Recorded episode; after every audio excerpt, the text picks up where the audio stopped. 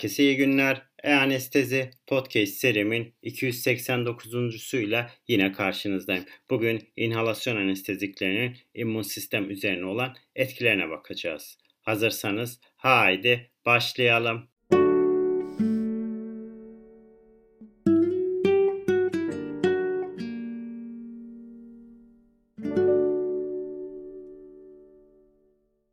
Herkese iyi günler. E-Anestezi Podcast serimin 289.suyla yine karşınızdayım. Bugün inhalasyon anesteziklerinin immün sistem üzerine olan etkilerine bakacağız. İnhalasyon anesteziklerinin immün sistem olan etkilerinden bahsedilmesi oldukça eskidir. Bu ilk kez 15. yüzyılda eterin, veba, zatürre, boğmacı gibi hastalıkların tedavisine kullanıldığını artık biliyoruz. Modern inhalasyon anesteziklerin geliştirilmesiyle birlikte bu ajanların immün sistem ile olan etkileşimlerine ait çalışmalar da haliyle artmıştır. Yapılan çalışmalarda immün sistemi olan etkiler, etki mekanizmaları ve klinik sonuçlar açısından araştırılmış ve inhalasyon anesteziklerinin immün sistemi hem baskılayıcı hem de aktive edici etkileri olduğu gösterilmiştir. İnhalasyon anestezikleri mevcut klinik tabloya bağlı olarak zararlı ya da faydalı da olabilmektedir. Ve geçtiğimiz yıllar içerisine baktığımız zaman immünolojik bilim tarafından insan immün cevaplarını etkileyen hem hücresel hem de moleküler mekanizmalar aydınlatılmış ve bununla beraber önemli bir yol kat edilmiştir. Pek çok in vivo ve in vitro çalışmalar inhalasyon anesteziklerinin immün sistemi sisteme nasıl etkilediğine odaklanılmıştır. Ve inhalasyon ajanlarının hipnoz etkisinin nasıl oluştuğuna dair kesin bir mekanizma bilinmese de santral sinir sisteminde nörotransmitter kapalı iyon kanalları ve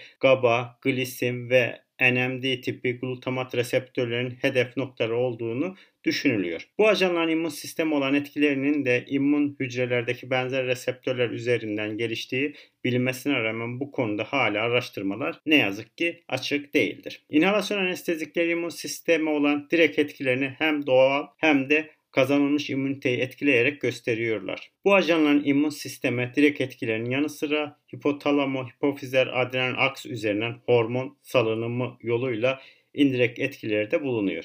İnhalasyon ajanları sadece hastaların değil, atık gazlara maruz kalan doktor, hemşire, yardımcı personel bağışıklık sistemini de etkileyebiliyor. Klinik pratiğimizde ise hastalara uygulanacak anestezi türüne karar verilirken anestezist hastaya temel faktörler dışında anesteziklerin immün sistemi olan etkilerini de göz önünde bulundurması gerekiyor. Kullanılacak ajanın postoperatif enfeksiyonlar üzerine etkisi bulunuyor mu? İskemi durumlarında bu ajanların immün sistemi baskılayıcı etkilerinden yararlanabilir miyiz? Tümör hastalarında metastaz riskini azaltmak için inhalasyon ajanlarından kaçınmalı mıyız? gibi soruları cevap açısından oldukça bu konu önemlidir. İnhalasyon anestezisinin doğal immünite üzerine olan etkilerine baktığımız zaman ise doğal immün cevap cilt ve mukoza gibi koruyucu bariyerlerin travma veya enfeksiyon sonucu bozulmasıyla birlikte immün hücrelerin aktive olması ile tetiklenmektedir. Hasarlı dokulardan ve bu alana gelen doğal immün hücrelerden sitokinler, kemokinler ve diğer inflamatuar medyatörler ne yapıyor? Salgılanmaktadır.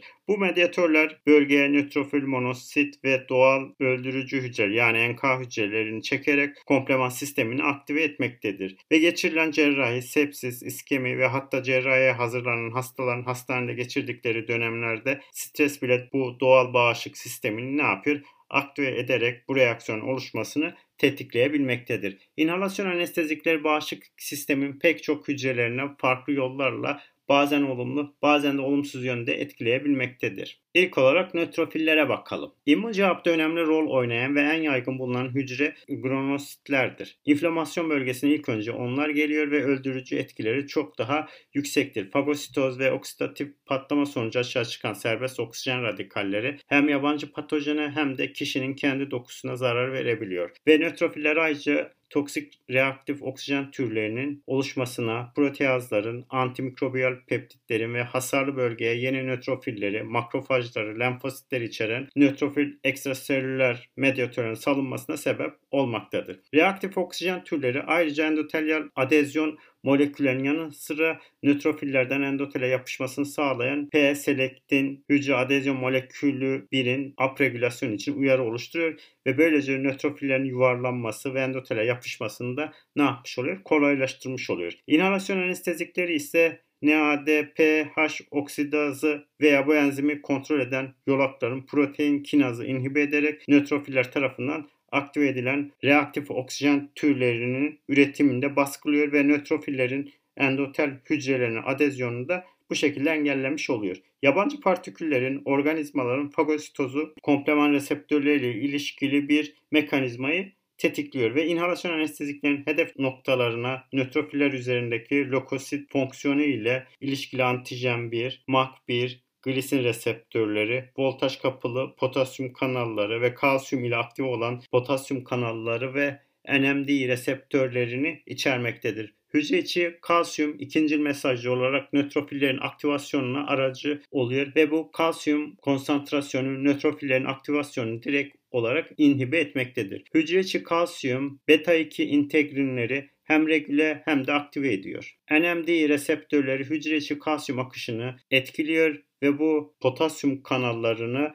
ve kalsiyum kanalların yoluyla potasyumun hücreden dışarıya akışını kalsiyum akışını da dengeleyerek membran dinlenme potansiyelini koruyor ya da T hücrelerindeki olduğu gibi kalsiyum akışını daha da artırmaktadır. Nötrofillerdeki klor iyonunun rolü net olarak bilinmektedir ve bu dinlenme halindeki nötrofiller atipik olarak hücre içi yüksek bir klor konsantrasyonuna sahiptir ve TNF-alfa stimülasyonu nötrofillerden klor akışına neden olmaktadır ve klor inhibitörleri etakrinik asit, TNF-alfa ile uyarılmış nötrofillerde sürekli klor akışını engelleyerek ve buna ek olarak da hücre göçünü ve süperoksit üretiminde bloke etmektedir. İzofloran ve sevofloran klinik konsantrasyonlarda polimorf nüveli lokosit aktivasyonunu inhibe ederek insan endotel hücrelerinde nötrofil adezyonunu zayıflatmaktadır. Ve bu şekilde iskemi reperfüzyon hasarında nötrofillerin endotel hücrelerine post iskemik adezyonu engelleyerek hasarın etkisini azaltıyor. İnhalasyon anesteziklerin koroner bypass cerrahisi geçiren hastaların miyokard fonksiyonlarında iyileşme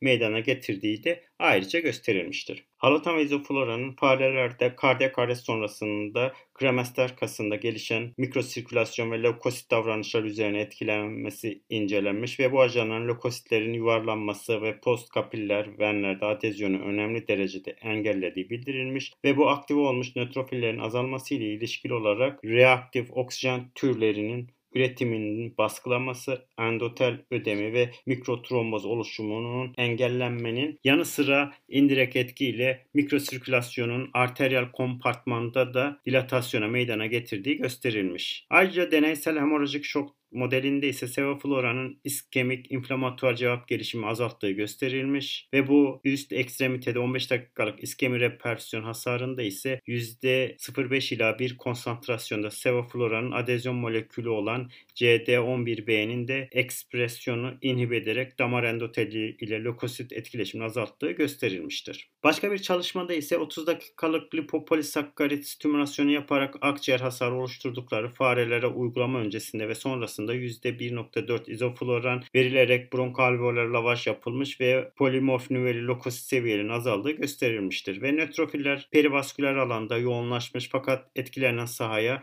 migrasyon inhibe olmuştur ve bunların immün cevap sırasında ortaya çıkan polimorf nüveli lökosit için sinyal molekülleri olan nötrofil akraktan kemokin düzeylerinin azaldığı da bildirilmiştir. Başka yapılan çalışmalarda ise halotana maruziyet sonrası daha az hastalık semptomları göstermiş ve nötrofillerin akciğer dokusunda görüntülenmesi gecikmiş ve bu da inhalasyon anesteziklerin koruyucu etkilerinin tip 1 ve tip 2 interferon üretimini azaltmasını açıklamış. Yine benzer şekilde karaciğer transplantasyonu yapılan farelerde sevofloranın nötrofil infiltrasyonunu baskıladığı, plazma TNF-alfa, interleukin 1, interleukin 6 seviyelerine düşüş meydana getirdiği ve ayrıca renal hasar azalttığı gözlenmiştir. Yine deneysel olarak oluşturulan peritonit modelinde ise izofloranın polimorf nüveli lökosit infiltrasyonu ve proinflamatuar sitokin değerlerinin azalt arttığı gösterilmiş. İnsanlarda ise 2 maksevofloranın lökositlerin yuvarlanmasına ve periferik kan örneklerinde